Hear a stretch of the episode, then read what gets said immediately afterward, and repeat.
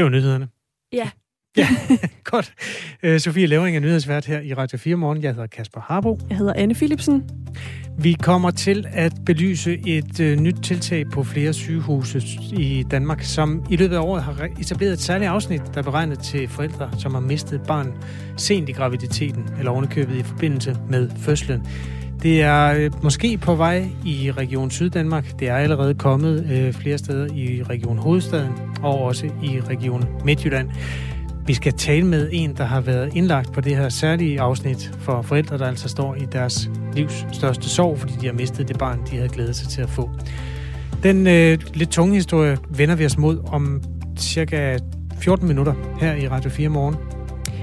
Det er også præcis et år siden, at Taliban generobrede magten i Afghanistan efter 20 år med krig.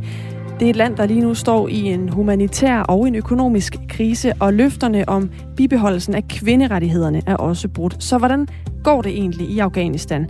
Altså det her land, som flere NATO-lande, blandt andet også her i Danmark, øh, eller skulle have frelst for Taliban-regimet. Det taler vi med Peter Viggo Jacobsen om, lektor på Forsvarsakademiet klokken kvart i 8. Lige midt i august 15.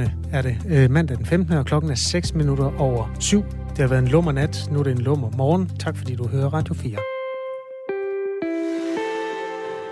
Jobcentrene, som vi kender dem i dag, skal nedlægges. Sådan lyder et af forslagene fra Venstre i et nyt beskæftigelsesudspil, som partiet kommer med her senere på formiddagen. Men allerede nu, der er partiet altså klar til at løfte sløret for det her nye beskæftigelsessystem, der skal gøre op med de kommunale jobcentre. Godmorgen, Morten Dalin. Godmorgen. Medlem af beskæftigelsesudvalget for Venstre. Hvorfor vil I skrotte jobcentrene? Jamen fordi vi øh, ikke synes, det system, vi har i dag, det fungerer godt nok. Og vi synes ikke længere bare, at man skal krasse i overfladen og flytte nogle kommaer. Vi synes, der er brug for en, øh, en frisk start, hvor vi giver den enkelte ledige et frit valg, sætter det enkelte menneske i, øh, i centrum, så vi får en beskæftigelsesindsats, som tager udgangspunkt i, at vi er forskellige, og som heller ikke er så hundedyr som det system, vi har i dag. Hvad er det ude på jobcentrene, der ikke fungerer godt nok i dag? Jamen, vi synes, der er en del ting, der ikke fungerer, for på trods af, at vi har en masse engagerede medarbejdere, så må vi bare konstatere, at vi har et af Europas, hvis ikke Europas øh, dyreste øh, beskæftigelsessystem. Vi bruger 12 milliarder kroner om året på, på jobcentrene heraf. 5 milliarder alene på, på administration, uden at det nødvendigvis har den kæmpe store øh, effekt i forhold til det, der burde være kerneopgaven, nemlig at få folk i arbejde. Så der er for meget proces, der er for meget byråkrati, der er for lidt menneske, og der er for lidt arbejde, der rent faktisk går til at få folk øh, hjulpet tilbage på, øh, på arbejdsmarkedet. Det er det, vi gerne ser ændret. Hvor ved du egentlig fra, at det er det, der er øh, tilfældet ude på jobcentrene, som de fungerer i dag? Men det kan vi jo læse i alle de rapporter, øh, vi får ind på Christiansborg. Og derudover så jeg selv siddet ni år som øh, formand for et lokalt beskæftigelsesudvalg i en kommune.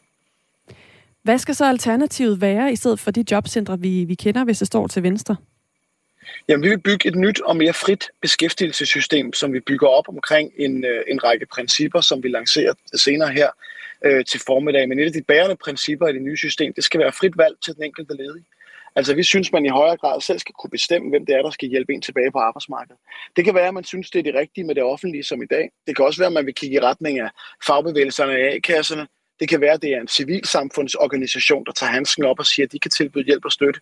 Eller det kan være en, øh, en privat aktør, der mener, at de har de rigtige værktøjer. På den måde vil vi give den enkelte ledige øh, mere frihed til selv at vælge, øh, hvem der skal hjælpe dem tilbage på arbejdsmarkedet. Det tror vi gør, at man får en individuelt tilrettet hjælp, plus at man tager et ansvar for sin egen situation. Og den kombination er det, der skal til, hvis man skal hjælpes tilbage på arbejdsmarkedet. Nu sagde du før, at jobcentrene i dag er for dyre. Hvordan er den her model billigere?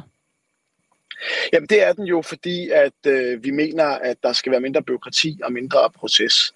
Eksempelvis hvis man har en stærk tilknytning til, øh, til arbejdsmarkedet, jamen, så skal man mødes med mindre proces, når man øh, for en gang skyld bliver, bliver arbejdsløs. Og det, at man kan spare noget arbejde, det er noget papirarbejde, noget byråkrati, ja det gør for det første, at så kan vi investere i at hjælpe dem, der rent faktisk har øh, behov, og derudover så kan vi også frigøre nogle midler til at investere i, i mange andre ting, som vi hellere vil bruge pengene på. Og med, når du siger spare byråkrati, vil det så sige, at man skal øh, afskedige nogle medarbejdere, der arbejder på jobcentrene i dag? Altså, vi mener, at man kan gøre indsatsen øh, mere effektivt, end man gør i dag. Vi mener, at vi har mange dygtige øh, medarbejdere. Vi mener desværre bare også, at mange af de medarbejdere bliver tvunget til at bruge deres tid øh, forkert. Så vi så jo hellere, at de mennesker, der er beskæftiget i det her system, jo brugte deres øh, tid på det, der er kerneopgaven, altså at få øh, folk i, øh, i arbejde, i stedet for at, at udfylde øh, skemaer og, og blive en del af byråkratiet. Så man skulle skære i bemandingen på jobcentrene, ifølge jeres model? Jamen altså, det vi mener, det er jo, at man kan vælge frit. Altså om man øh, vil have hjælp af en A-kasse, om man vil hjælpe af en privat leverandør, om man vil have hjælp af en civilsamfundsorganisation, eller om man vil have hjælp af et, øh, af et jobcenter. Øh, og det er fordi, for os er det ikke vigtigt, hvem der leverer hjælpen. Det er ikke vigtigt, hvor de dygtige medarbejdere er ansat. Det, der er vigtigt for os, det er jo, at de rent faktisk kommer til at levere en ydelse, som hjælper folk tilbage på arbejdsmarkedet. Fordi vi har jo desværre, på trods af opgang, stadig alt for mange, der hænger fast i systemet uden for arbejdsmarkedet, som ikke rykker sig tættere på arbejdsmarkedet, og som derfor er på passiv forsørgelse, selvom jeg faktisk tror, at langt de fleste af dem gerne så, at de kom i gang med at lave noget. Så når du siger, at det bliver billigere, fordi man skærer i byråkratiet, altså det er jo i sig selv ikke billigere nødvendigvis, at øh, dem, der arbejder, de får lidt mindre papirarbejde, hvis de stadig skal have den samme løn. Så, så er det tilfældet her, at de vil gøre jobcentrene og de ansatte på jobcentrene færre? Jamen, altså, hvis man kigger på antallet af medarbejdere på jobcentrene, så kan vi se, at siden 2011, så er antallet af ledige, det er faldet med 90.000. Men antallet af medarbejdere på jobcentrene er i samme periode steget med 2.500. Og vi synes jo, der er rigtig mange steder, hvor de medarbejdere kan gøre gavn. Det kan være en privat virksomhed, det kan være en civilsamfunds, civilsamfundsorganisation, det kan være en A-kasse, eller det kan være øh, i det offentlige øh, system. For os er det ikke så væsentligt, hvor folk er ansat. For os er det væsentligt, at den opgave, de løser, giver mening, både for dem selv, men selvfølgelig også for de danskere, de skal hjælpe. Hvad er det, I baserer det på, når I siger, at det her forslag det vil kunne fungere bedre end de jobcentre, vi har i dag? Jamen det er, at det system, vi har i dag, ikke er specielt effektivt. Det er dyrt. Altså, vi bruger 12 milliarder kroner om året på jobcentre. Vi bruger 5 milliarder alene på administration af jobcentrene, uden at det har den helt store positive effekt. Der er faktisk nogle af de indsatser, som man laver øh, rundt omkring i landets jobcenter, som har en negativ samfundsøkonomisk effekt. Så vi tror på, at man kan bygge et mere frit, et, et, et nyt beskæftigelsessystem, som sætter det enkelte menneske i centrum, som vil være billigere og som også vil være bedre. Der er post fra Frank, der hører Radio 4 morgen og har mobiltelefon. Han har skrevet til 1424. Som projektansat har jeg ofte perioder uden arbejde. Jobcentrene er udulige, men fordelen er, at hvis man giver dem, hvad de vil have, så lader de en være i fred, så man ved siden af kan søge job i fred, uden at de blander sig, skriver Frank. En anden skriver, der er lidt mere øh, knald på læggehønen her, øh, Morten Dalin. Hold nu op en gang ligegyldig vrøvl. Intet seriøst, kun skåltaler. Hvad med dem, der er fanget på jobcenter, fordi de er syge? Hvordan tænker han, private skulle kunne råde over kommunernes penge til de borgere? Altså et spørgsmål til dig, Morten Dalin, beskæftigelsesordfører hos Venstre.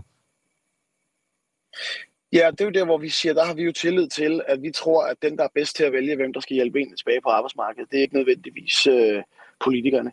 Derfor skal vi have et frit valg til de ledige, så man i højere grad selv kan være med til at planlægge sit vej tilbage på arbejdsmarkedet.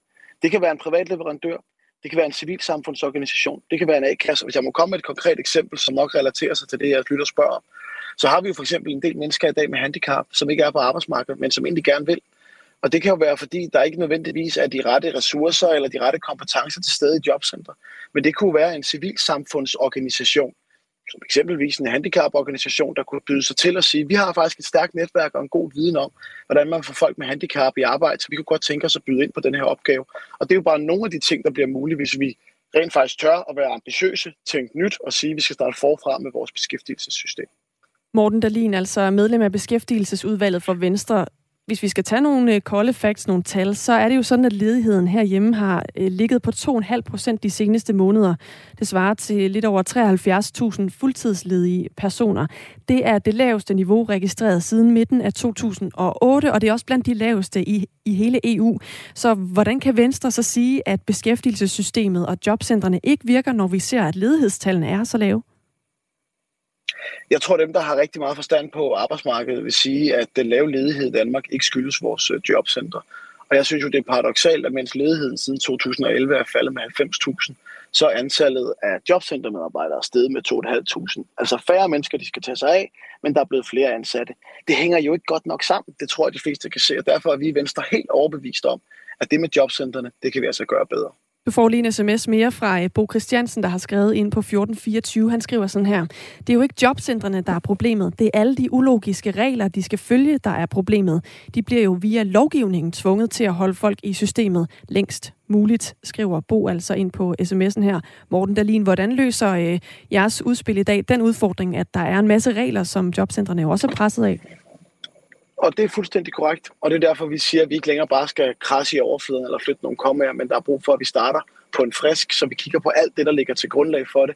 Hvad er det, der skaber de her arbejdsprocesser, der ikke er optimale? Hvad er det, der gør, at det bliver så dyrt? Og så starte forfra. Man kunne godt vælge bare at, at lappe og lappe og lappe, men vi synes, tiden er kommet til at starte på en frisk, hvor vi nedlægger jobcentrene, som vi kender dem, og så sætter vi mennesket i, i centrum i det nye og mere frie beskæftigelsessystem. Det sagde Morten Dalin, der er medlem af Beskæftigelsesudvalget for Venstre. Der er breaking. Ja, lad os tage breaking så. Det ja. kan der da godt blive plads til. Hvad, hvad er det sidste nye? Det er, at i dag kl. 10.30, der holder konservativs formand Søren Pape Poulsen pressemøde. Er det lige kommet ind? Det er simpelthen lige kommet ind i disse minutter. Det er jo som en ret seng at lægge de her følgende sms'er på, fordi vi har belyst det før nyhederne klokken 7, at øh, ifølge diverse trummer, vandrør og hvor øh, rygter ellers løber hen, så er det den her uge, at Søren Pape Poulsen vil lade forstå, at han også godt kunne tænke sig at blive statsminister. Blå Blok har jo traditionelt i de sidste, jeg ved ikke hvor mange, 20-30 år, kun stillet med én statsministerkandidat, hvis man altså fraregner sådan de mere øh, farverige, øh, sådan lidt useriøse bud, så har det jo været Venstre, der har taget den for Blå Blok de sidste øh, mange år. Men angiveligt skulle konservativ, både af både Venstres tilbagegang og konservativ fremgang, nu øh, også være klar med en, en øh, statsministerkandidat. Hovedpersonen selv skriver i hvert fald på Facebook, jeg har noget, som jeg gerne vil fortælle til hele Danmark. Ja, det kan jo blive både en dreng og en pige. Ja, han skriver også, at nogen vil nok gætte på, hvad det er, pressemødet handler om, men jeg vil holde spændingen lidt endnu. Og så skriver han, at han har ambitioner for Danmark. Ja, okay. Ja. Fedt, så det er ikke en ny hund eller et eller andet. Nej. Godt. Øh, vi lagde den jo ud til sms, øh, små fri analyser, hvor Tine fra Hirtals øh, var den første, der skrev ind på sådan, med sin rygmavsreaktion ved udsigten til at øh, få Søren Pape som statsminister i Danmark. Pape skal overhovedet ikke være i nærheden af en statsministerpost. Derimod kunne jeg rigtig godt tænke mig Støjberg på pinden. Vi trænger til en anden retning lige nu, skriver Tine. Der er en anden lytter, der har skrevet, jeg hældte længe mod Søren Pape, men når jeg tænker alt igennem, er jeg blevet overbevist om, at Lykke tager den. Han er den skarpeste, når det gælder. Altså også en budbringer om, at der er virkelig mange om budet i øjeblikket. Ja. Lars Løkke Rasmussen siger garanteret ikke nej, hvis han bliver spurgt, om han vil være statsminister. Men er jo i den blå lejr, på den lidt atypiske front, der også kigger mod øh, Mette Frederiksen, ja. og i virkeligheden kunne finde på at samarbejde den vej, hvis det skulle være. Ellers noget på sms'en? Den gamle lektor byder ind og skriver, både Inger Støjberg og Lars Løkke har et historisk dysfunktionelt forhold til Jakob Ellemann og partiet Venstre i den nuværende toning. Der bliver sandsynligvis to tunger på den politiske vægtskål, Lykke og Støjberg. Så det giver svaret på Blå Bloks kandidat og sætter et sikkert ubekvemt pres på Søren Pape. Pape bliver Blå Bloks kandidat, fordi der ikke er andre på grund af historisk grums i Venstre. Godmorgen fra den gamle lektor. Søren Pape holder pressemøde 10.30. Vi får nok ikke noget ud af ham inden da. Øh, men vi skal tale med vores politiske redaktør om sagen, og vi vil også meget gerne høre fra dig, der interesserer dig for dansk politik. Kunne du se konservativ øh, stemple ind som værende det mest seriøse bud på en blå øh, statsminister? Altså, er det Pape? Eller er det Ellemann? Eller er det en helt tredje fra Blå Blok? Der bliver nævnt Inger Støjberg, der bliver nævnt Lars Løkke analyser, også på, hvordan stiller det i det hele taget Blå Blok, at der er så mange ombud i øjeblikket. Er det en fordel eller en ulempe? Du kan skrive til os med det, du synes, der hører hjemme i den debat på nummer 1424.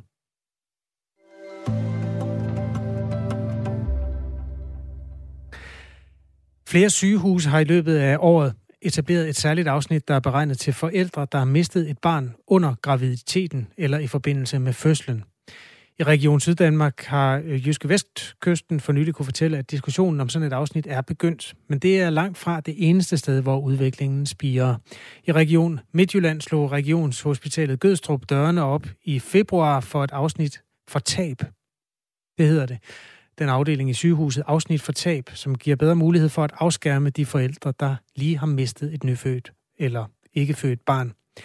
På Herlev Hospital åbnede man i foråret afsnit for graviditet og tab, og på Hvidovre Hospital er man lige nu i gang med at etablere et lignende afsnit. For eksempel hvis en, ens barn dør inde i livmoderen, så har man jo tidligere skulle ligge på fødegangen og føde det her barn. Og selvom man prøver at skærme det, så er det stadig et sted, hvor alle de andre føder børn, som kommer ud og skriger og skal have et godt liv. Og det er altså utrolig psykisk belastende at øh, være midt i det. Selvom man jo godt ved, at det sker for andre, så kan man slet ikke have det, lige når man selv er i den frygtelige situation. På Aarhus Universitetshospital i Skyby har man siden 2011 haft et afsnit for tab, der tager sig af de her øh, forældre, som har mistet et barn. Og en af dem, der har været indlagt der, er Pernille Rud Burgdorf. Godmorgen. Godmorgen.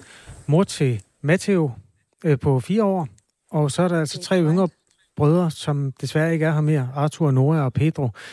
Øhm, I mistede blandt andet sidstnævnte Pedro i 6. måned, da I var, var efterfølgende indlagt på afsnit for tab i Aarhus. Hvad betød det for jer at være det her særlige sted, der var tilegnet jeres øh, altså mennesker, med, der havde lidt det tab, som I havde? Jamen, det var jo virkelig, altså, det, det, det var det, jeg kan slet ikke forestille mig, hvis vi ikke var kommet derind på det tidspunkt, hvor vi står der, og verden den bryder sammen for tredje gang. Hvis vi ikke var blevet mødt af det her personale og den her afdeling. Det ville jeg ønske, vi havde gjort i første omgang også, og anden omgang. Så det gjorde en verden til forskel for os, at vi kom ind et sted, hvor det virkelig var et personale, der var kompetent og virkelig professionel og havde rammerne, og det hele var bare klar til os. Det var tredje gang, som sagt, at I mistede et barn. Øhm, der er måske nogle lytter, der sidder og tænker, hvad, hvordan kan I være så uheldige, at det sker tre gange? Ja, jamen det har vi også spurgt os selv mange gange, min mand og jeg, fordi at det øh, har vi jo fået at vide, at første gang, jamen det var sort uheld, det skulle ikke kunne ske igen. Anden gang fik vi også at vide, at det er to forskellige scenarier, der er ingen sammenhæng. Og tredje gang, da det så sker, jamen, der er min mand og jeg er jo overbevist om, at det kan ikke blive ved med at være sort uheld, der må simpelthen være en forklaring. Men øh, man har ikke dykket ned i at tjekke, om der kunne være noget bakterielt i mit underliv, selvom jeg hele graviteterne, alle fire graviteter igennem, simpelthen har følt, at der har været et eller andet galt. Der har været noget med det her, som lægerne har ment har været svamp, som så viser sig ikke at have været svamp. Og det finder vi så ud af, da vi kommer til videre på en mm. afdeling, der hedder HAP. Nu øhm, beskriver du altså, at I blev mødt af den rigtige sådan, ekspertise, da I tredje gang stod i den situation, at I mistet et, et barn, som I havde glædet jer til at skulle bringe til verden. Hvad var det for nogle rammer, I blev modtaget i de første to gange så? Altså inden I kom til det her særlige afsnit for tab?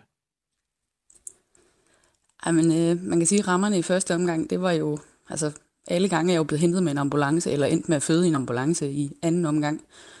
Øhm, så rammerne har ikke været de der typiske standardrammer, når man kommer ind eller noget, men rammerne har jo været en helt almindelig fødestue, eller gynækologisk afdeling i anden omgang, hvor at, øh, Enten så har vi ligget blandt fødende med små nyfødte eller skrigende, stønnende, prustende kvinder. Og så de her små babyer, der ligger og græder. Og på gynækologisk afdeling, da vi fødte der anden gang, jamen der var vi jo overladt til os selv. Der var ikke rigtig nogen, der kom og tjekkede, og man følte egentlig bare, at man var et eller andet nummer, og vi, de ventede egentlig bare lidt på, at, ja, at det egentlig gik over. Så det var jo nogle helt, helt andre rammer, da vi øh, blev taget imod i tredje omgang. Hvordan er det at kigge på andre menneskers nyfødte børn, når man selv har mistet et? Mm, det er jo det mest traumatiserende, man kan komme igennem, altså i det øjeblik. Det bliver jo ikke værre. Jeg isolerede jo mig selv, da vi mistede Arthur første gang, vi mistede. Isolerede jeg værelset i fem døgn. Jeg, jeg skulle ikke ud og hente noget mad, fordi jamen jeg kunne, for det første kunne jeg ikke gå uden Arthur.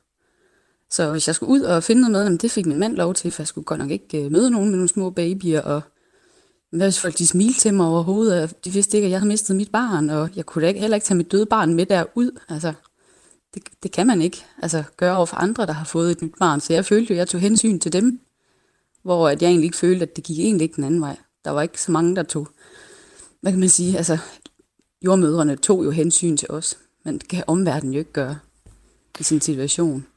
Så vi blev isoleret i et rum for enden af en gang, hvor der, hvad kan man sige, vi lå så langt væk fra andre ny, altså nyfødte, nybagte forældre. Hmm. Ja. Det kan være enormt svært at sætte sig ind i, hvad det er, man går igennem, både når man bliver forældre, og også når man som jeg altså flere gange tror, man skal være det, men ikke bliver det. En af vores lyttere skrev ind tidligere, altså hvorfor er forskellen så stor på en abort, og så det, som I gik igennem der? Øhm, jeg vil egentlig sige, at vi er faktisk blevet forældre. Øhm, jeg, jeg betegner mine, alle mine fire børn som mine børn, selvom de ikke lever. Ja. Men øh, jeg vil sige, for, forskellen på en abort og så, øh, og så på det, vi er gået igennem, det er jo, at jeg har jo været igennem en decideret fødsel alle fire gange. Jeg har født fire børn. Arthur, da jeg fødte ham, han var jo lige i 28 minutter. Han døde af stærk hjerneskade. Fordi han havde mistet for meget blod, og på grund af det, så var han blevet svag, så kunne han ikke selv trække vejret. Så han blev decideret hjerneskadet, og de kæmpede i 28 minutter for at holde ham i live.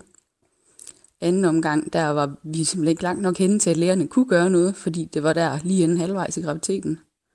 Så der manglede Noah egentlig bare tid. Øhm.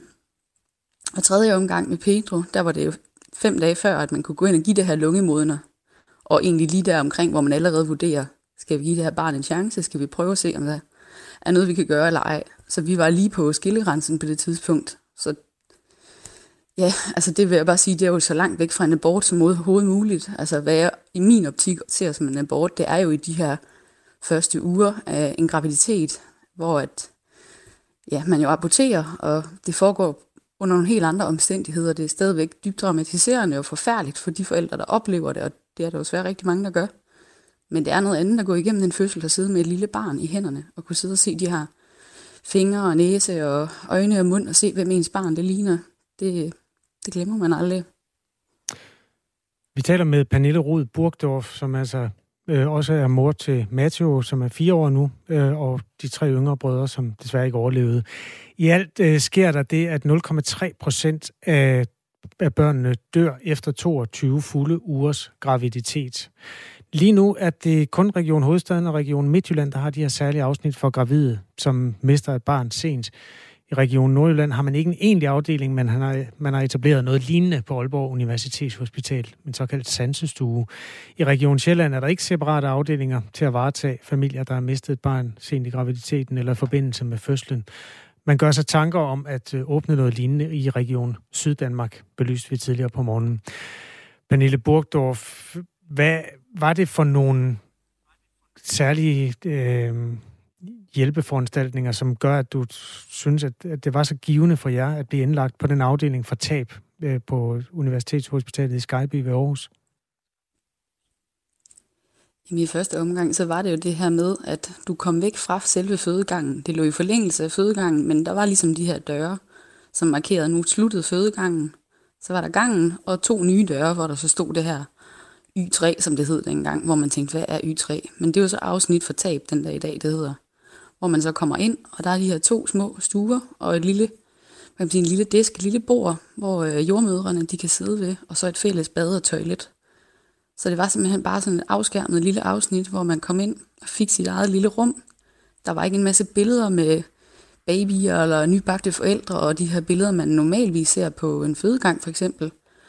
Og så var der bare ro, kunne ikke høre andre jo, jeg kunne selvfølgelig høre det par, der lå inde ved siden af at høre, når hun græd, og jeg havde det jo helvede til med, at hun også kunne høre, at vi havde en lille dreng, altså, der kom med ind på besøg, men altså, det var selvfølgelig også en del af livet, og jeg snakkede med hende efterfølgende, hvor hun sagde, at hun var faktisk glad for at høre, at det også var liv. Men øhm, det var bare nogle helt andre rammer, og det var faktisk betryggende at vide, når jeg gik ud for at tage et bad, at så var det hende og hendes kæreste, jeg stødte på derude, og ikke eventuelt en mor med sit levende barn i armene. Og jeg var jo faktisk helt nysgerrig på at se, hvem det var, der lå inde ved siden af, og måske eventuelt kunne sige hej til, det, til vedkommende. Øhm, men det var først efterfølgende. Vi, vi faldt i snak med hinanden.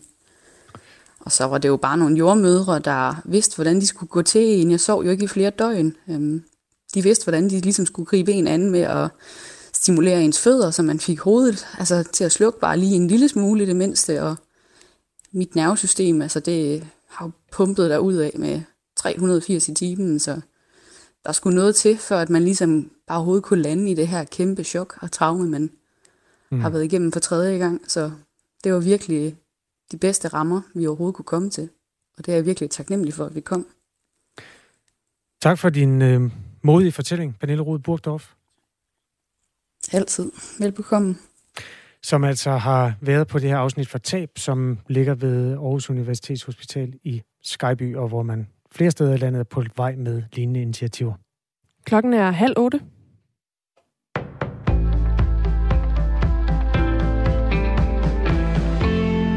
Konservatives formand Søren Pape Poulsen har noget, han gerne vil fortælle hele Danmark. Derfor holder han pressemøde her til formiddag kl. 10.30. Det skriver han på Facebook. Det forventes, at Pape meget snart melder ud, om han er statsministerkandidat eller ej. Pape har lovet at gøre det inden næste valg, og i disse dage er vel udskrivelsen det helt store tema i dansk politik, skriver Ritzau. Mit parti har været på en udviklende rejse de seneste år. Det samme har jeg, og nogen vil nok gætte på, hvad det er, pressemødet handler om. Men jeg vil holde spændingen lidt endnu. Jeg vil dog allerede nu gerne sige, jeg har ambitioner for Danmark. Vi har et vidunderligt land, som kan blive endnu bedre, skriver Pape. 24 millioner afghanere mangler hjælp, og næsten 13 millioner af dem er børn. Sådan lyder det fra UNICEF Danmark på årsdagen for, at Taliban indtog Kabul og fik magten i Afghanistan. Sammen med covid-19, tørke og flere naturkatastrofer har det sidste år skabt alvorlige problemer i landet, det siger generalsekretær Susanne Dahl. Det er et kæmpe tilbageslag for de afghanske børn, øh, vi har set gennem det seneste år og den humanitære katastrofe er noget af det værste, vi øh, nogensinde har oplevet i UNICEF. Næsten dobbelt så mange børn var i juni i år i behandling for livstruende underernæring, hvis man sammenligner med juni sidste år, inden Taliban overtog magten i landet. Og allerede nu er flere end en million øh, mindre børn så alvorligt underernæret, at de faktisk er i livsfare, øh, medmindre de får den livreddende behandling og hjælp, som de har brug for. Ifølge velgørenhedsorganisationen Mission Øst får 92 procent af den afghanske befolkning ikke med nok. Fire gange flere i dag overlever hjertestop i forhold til for 20 år siden, hvor hjertestop var en stort set dræbende sygdom. Det viser et nyt studie fra Aarhus Universitet, der omfatter samtlige hjertestop-patienter gennem 20 år. Men selvom flere overlever hjertestop, så har patienterne efterfølgende markant øget risiko for en række neurologiske og psykiatriske lidelser. Hjertelæge og administrerende direktør i Hjerteforeningen Anne Kaltoft kalder det en lille smule overraskende, at patienter har problemer med andet end hjertet i tiden efter et hjertestop. Det er selvfølgelig utrolig vigtigt, at man overlever, men det er ikke nok at overleve et hjertestop eller alt muligt andet. Man skal også tilbage og leve sit liv bedst muligt. Og den her undersøgelse peger på, at der måske er noget, vi kan gøre endnu bedre, også for de patienter, der har overlevet et hjertestop. Hvert år rammes mindst 5.000 danskere af et hjertestop. Risikoen for en katastrofe ved atomkraftværket Zaporizhia i Ukraine stiger dag for dag. Den advarsel kommer fra borgmesteren i byen, hvor værket ligger. Det, der sker her, er ren og skær atomterrorisme, og det kan ende uforudsigeligt når som helst, det siger borgmesteren Dimitro Orlov i et telefoninterview med nyhedsbyrået AFP. Borgmesteren siger, at der er granatangreb mod atomkraftværket hver eneste dag og nat. Zaporizhia er Europas største atomkraftværk, og det har siden marts været under russisk kontrol. På et krisemøde i torsdags advarede FN's Sikkerhedsråd om, at det er en alvorlig krise, som udspiller sig ved atomkraftværket. I dag får vi nogen eller en del sol, men i løbet af dagen så bliver det lidt byet, og det kan være kraftige og med torden. Temperaturer op mellem 25 og 30 grader, og en svag til jævn vind omkring øst.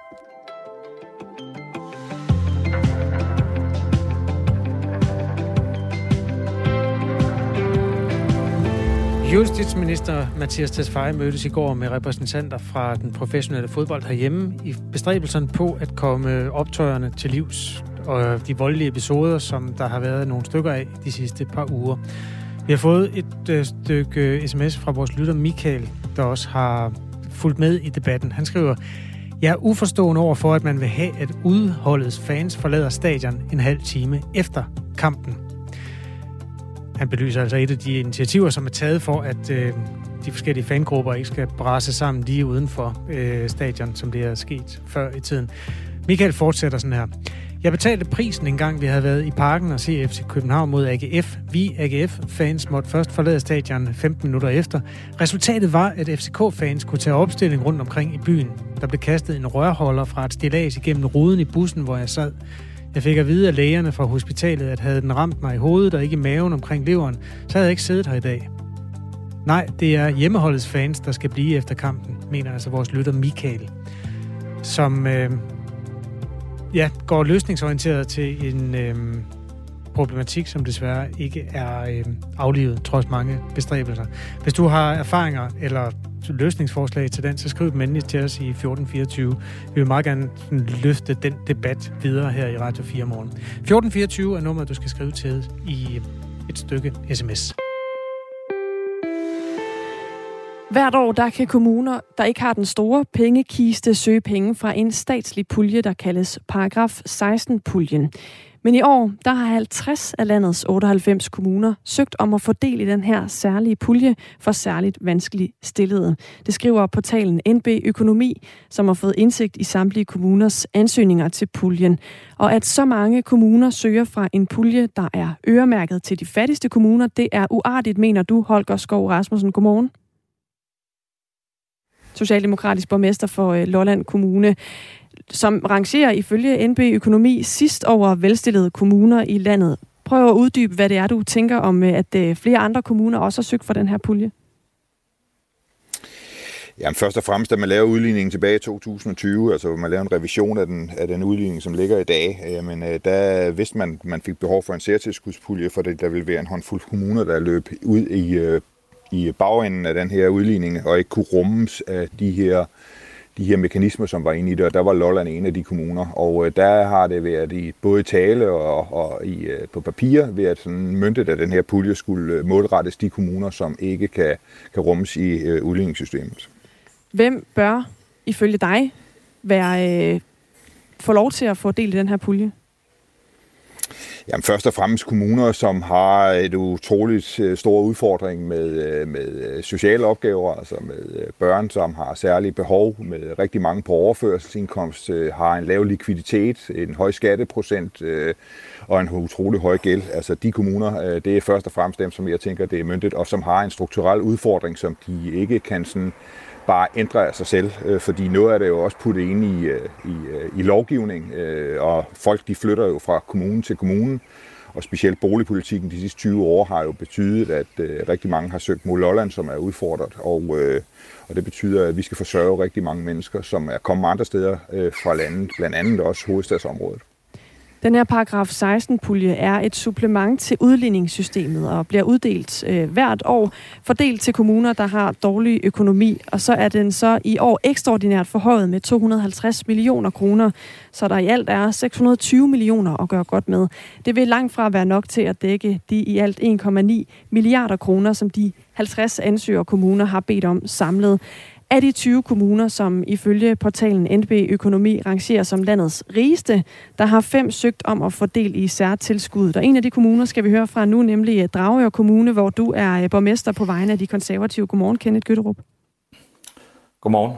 Hvad tænker du om øh, det, som øh, Holger Skov Rasmussen fra Lolland Kommune siger her, altså at puljen skal være forbeholdt de kommuner, der har en øh, svær økonomi og for eksempel har mange udfordringer med sociale behov og andre kriterier? Jamen, puljen er jo for øh, særligt trængte kommuner jo, og øh, de kommuner, der har søgt, de har jo hver sær vurderet deres økonomi, opfylder de kriterier, der ligger i øh, puljen. Det har vi også gjort i Drage, og vi er en enig kommunalbestyrelse, der søgte, og det har vi gjort ud fra nogle, nogle øh, grundige overvejelser omkring, hvor det er, vi synes, vi har helt særlige økonomiske udfordringer henne. Så jeg tænker, at, at vi har søgt med god samvittighed, øh, og jeg tænker heller ikke, at, at Lollands kommuner har ikke retten til at tage patent på, hvornår man som kommune er trængt. Holger Skov Rasmussen, Lollands Kommune har ikke øh, patent på den her ordning og på at, øh, at beslutte, hvem der skal have del i pengene. Hvad siger du til det? også kritiseret indrigsministeren og sagt, at øh, man bør jo øh, nøjagtigt beskrive, hvad det er for kommuner, der har mulighed for at ansøge den her pulje, og det øh, er jo, som Kenneth siger, jamen hvis man synes, man er, er trængende, så kan man jo søge. Altså, øh, der er jo ikke lukket ned for nogen som helst øh, kriterier, og det har jeg, siden da puljen blev, blev oprettet i forbindelse med den seneste udligning, der har jeg sagt, at jeg synes, man skal sætte nogle kriterier på. Eksempelvis, man skal ligge i den dårligste skatteprocent tredjedel, for eksempel, have i den dårligste tredjedel med, med, med likviditet og det samme med gæld og så videre. Og det er der ikke men jeg synes jo, det er interessant. Jeg kunne godt tænke mig at høre, hvad det er for nogle argumenter, Kenneth han bruger for, hvorfor de synes, de er trængende. Det kan vi jo sende videre til dig, Kenneth Gøtterup. Det kan vi sagtens, øh, og vi, øh, vi, vi synes jo, vi har nogle særlige udfordringer ved, at et så, øh, så har vi en meget høj stigning i antallet af plus 80 år i drage, og den stiger faktisk med 25 procent over de næste fem år. Så vi har en, en, en meget stor demografiudfordring så er vi en kommune, der trods ledige øh, arealer øh, ikke kan øh, hverken boligudvikle os øh, og bygge os ud af det her. Det kan vi ikke, fordi vi ligger op ad en lufthavn, hvor vi er begrænset af støjcirkulære, så vi har ikke nogen udviklingsmuligheder som kommune. Så betaler vi, øh, så betaler vi en meget, meget høj udligning, øh, som vi også udfordrer os, og vi er ved at være tilbage på, øh, på det niveau, som man var før øh, revision af udligningsreformen. Så står vi over for et meget stort opgave omkring kystsikring i Dragør, som også øh, medfører en, en, en markant mere udgift til Drage Kommune. Vi har 13 km kystlinje og nogle helt særlige udfordringer omkring vores beliggenhed øh, med, med et pres fra Østersøen af, så hvad hedder det, øh, det er også en, en udfordring, vi har. Øh, og så har vi ligesom alle andre kommuner jo, det er jo over hele landet, så har vi udfordret på det specialiserede socialområde. I Drage er det primært på det specialiserede børneområde, øh, med et højt antal stigende børn, som, som skal have specialskole eller dagbehandling, som jo også presser. Så det, det er udgiftspresset sted over de seneste mange år. Så, øh, så, øh, så vi mener, vi har, vi har en seks gode grunde til at søge den her pulje her. Holger Skov Rasmussen, altså øh, borgmester for Lolland Kommune for Socialdemokratiet. Vi hører her øh, om øh, udfordringer i Dragør, der handler om demografi, høj udligning, kystsikring, socialområder, der er udfordret. Hvorfor er de grunde ikke lige så gode til at søge puljen som dem i Lolland Kommune? Ja, men det kan jeg jo bare se, at de udfordringer, som øh, Kenneth nævner, er jo slet ikke i sammenhæng med, øh, med det, som vi har på Lolland. Hvis man tager udgifter til børn med særlige behov, så har, øh, så har Dragør en, en udgift per borger på omkring små 7.000. Vi har en udgift på omkring små 40.000. Og hvis vi tager på, øh, på, på de borgere, som er mellem 16 og 64 år, jamen så ligger udgiften i, øh, i øh, hvad her det nu, øh, forsørgelse på, øh, på Dragør, den ligger på 9.300, og på Lolland på 33.000. Og så kan man sige, hvis man skal sikre kystsikring, Dragør, så vidt jeg ved, er jo knap 19 kvadratkilometer store. Lolland er 900 kvadratkilometer. Vi har 340 km kyst. Vi er udpeget som et af de områder, der er mest sårbare med kyst, og der har vi ikke lagt noget som helst med kystsikring ind i vores udligning. Altså det, det, det, det, det, det, det er slet ikke aktuelt, fordi hvis vi skulle gøre det, så, så vil det stikke fuldstændig øh, af. Kenneth Gøtterup øh, fra Dragør Kommune. Vi hører også her, at øh, der er jo selvfølgelig, for, selvfølgelig forskellige øh, arter af udfordringer, man kan have fra kommune til kommune. Men I har også en kommune med en skatteprocent på 24,8 procent, og er jo altså også rangeret som en af de rigere kommuner i landet, faktisk en af de, af de rigeste i hele landet. Så kan man se det på den måde, at I som rig kommune her forsøger at blive endnu rigere på bekostning af vanskeligt stillede kommuner, som for eksempel Lolland, ved at søge den her pulje? Nej, det, nej, det kan man ikke. Øh, jeg er godt klar over, at, at Socialdemokraternes uh, svar på, på, på udfordringer, det er jo tit og ofte uh, skattestigninger. Det mener jeg sådan set ikke er vejen frem. Øh, vores borgere betaler en, en, en høj skat generelt i forvejen. Og øh, vi har også igennem de sidste mange, mange år, altså i alle de år, jeg sidder i kommunalbestyrelsen, øh, har vi hvert år skulle sidde og lave budgettilpasninger med besparelser. Det, der er udfordringer for kommunerne i dag, det er, at den kommunale økonomi er jo så presset, og samtidig så øh, stiger borgernes øh, forventninger til, til kommunal service, og øh, også nogle af de krav, som der bliver stillet fra regeringen, presser jo også kommunerne økonomisk. Så, øh, så vi er jo ved at være i bund i kommunerne, øh, og det tror jeg også, man skal se de her 50 ansøgninger, som jo altså, øh, når 50 kommuner ud af 98 søger puljen, så er det jo, fordi der er et helt særligt udgiftspres derude. Og svaret på det er ikke øget skattestigninger. Det er jo altså sådan, at der er... Øh... Jo, undskyld, vil du svare her, Holger Skov Rasmussen? Ja, men nu kan vi vel hurtigt blive enige om, at uh, særtilskudspuljen, det er vel også uh, skattepenge. Og nu hører jeg jo også de konservative sige, at uh, man skal have nulvækst i det offentlige.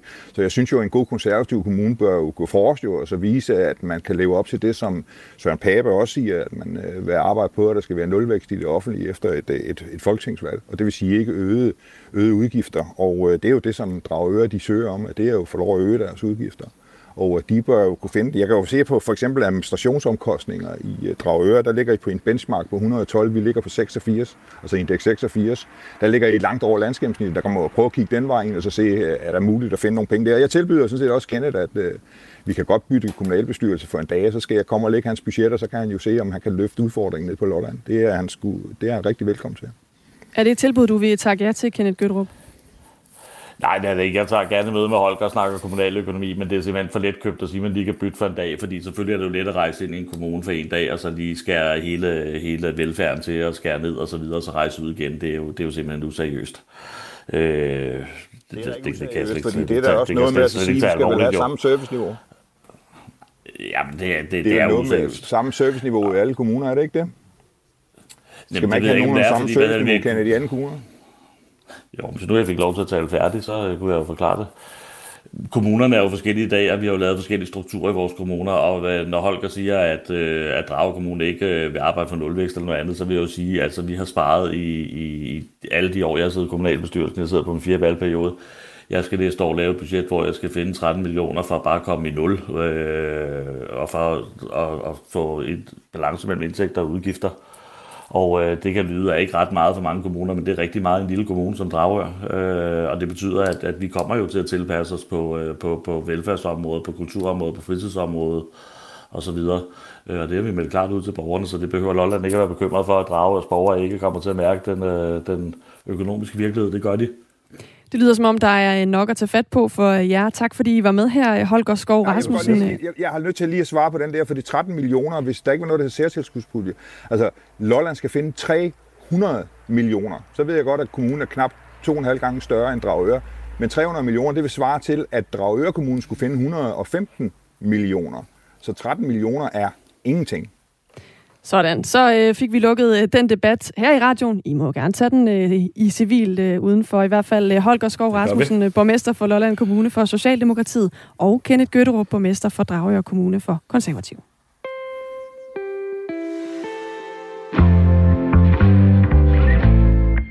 Overskud på Radio 4 med Sofie Østergaard hjælper dig med at få mest muligt ud af dine penge. Så er det her tidspunkt måske også lige præcis her, hvor vi så lige skal gå igennem vores forsikringer, vores lån.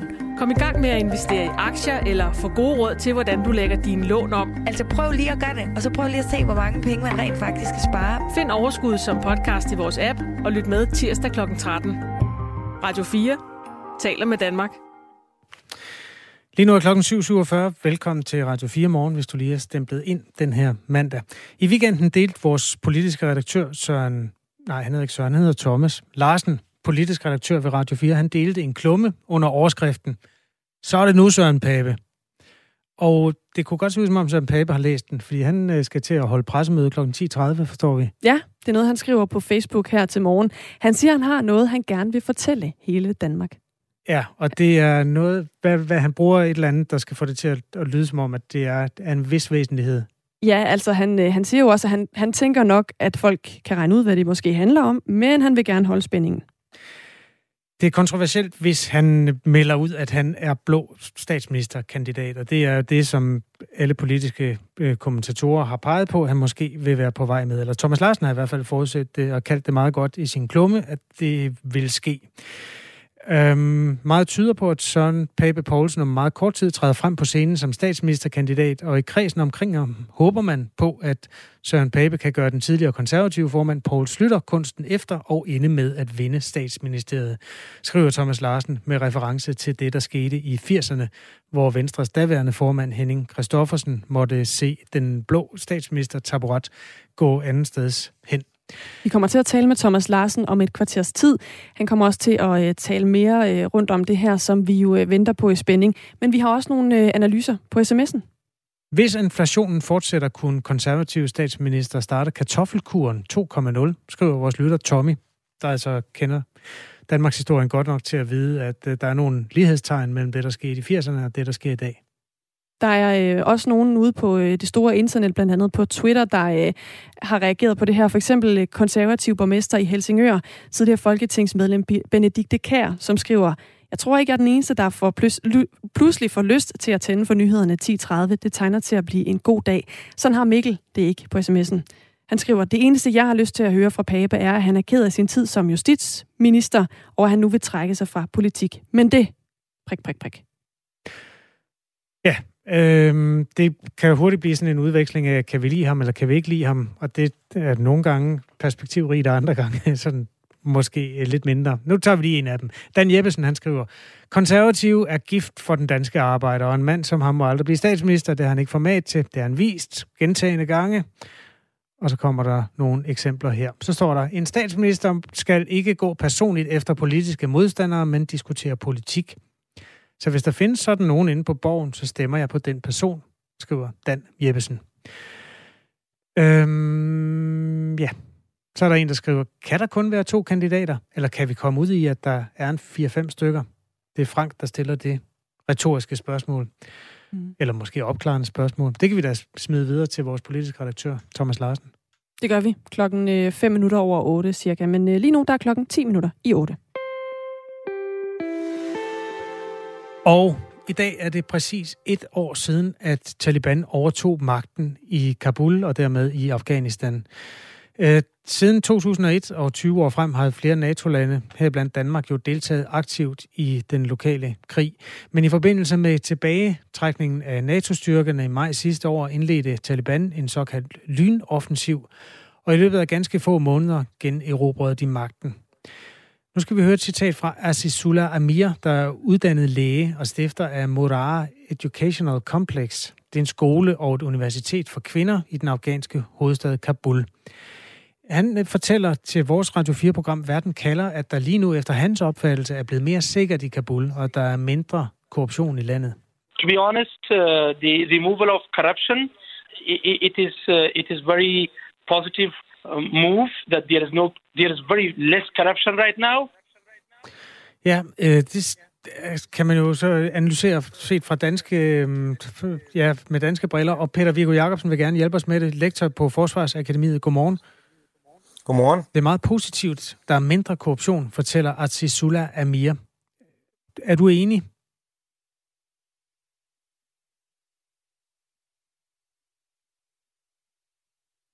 Det er ikke en tænkepause, det er simpelthen en øh, teknisk øh, problematik, som lige er grunden til, at Peter Viggo Jacobsen øh, lod vente på sig.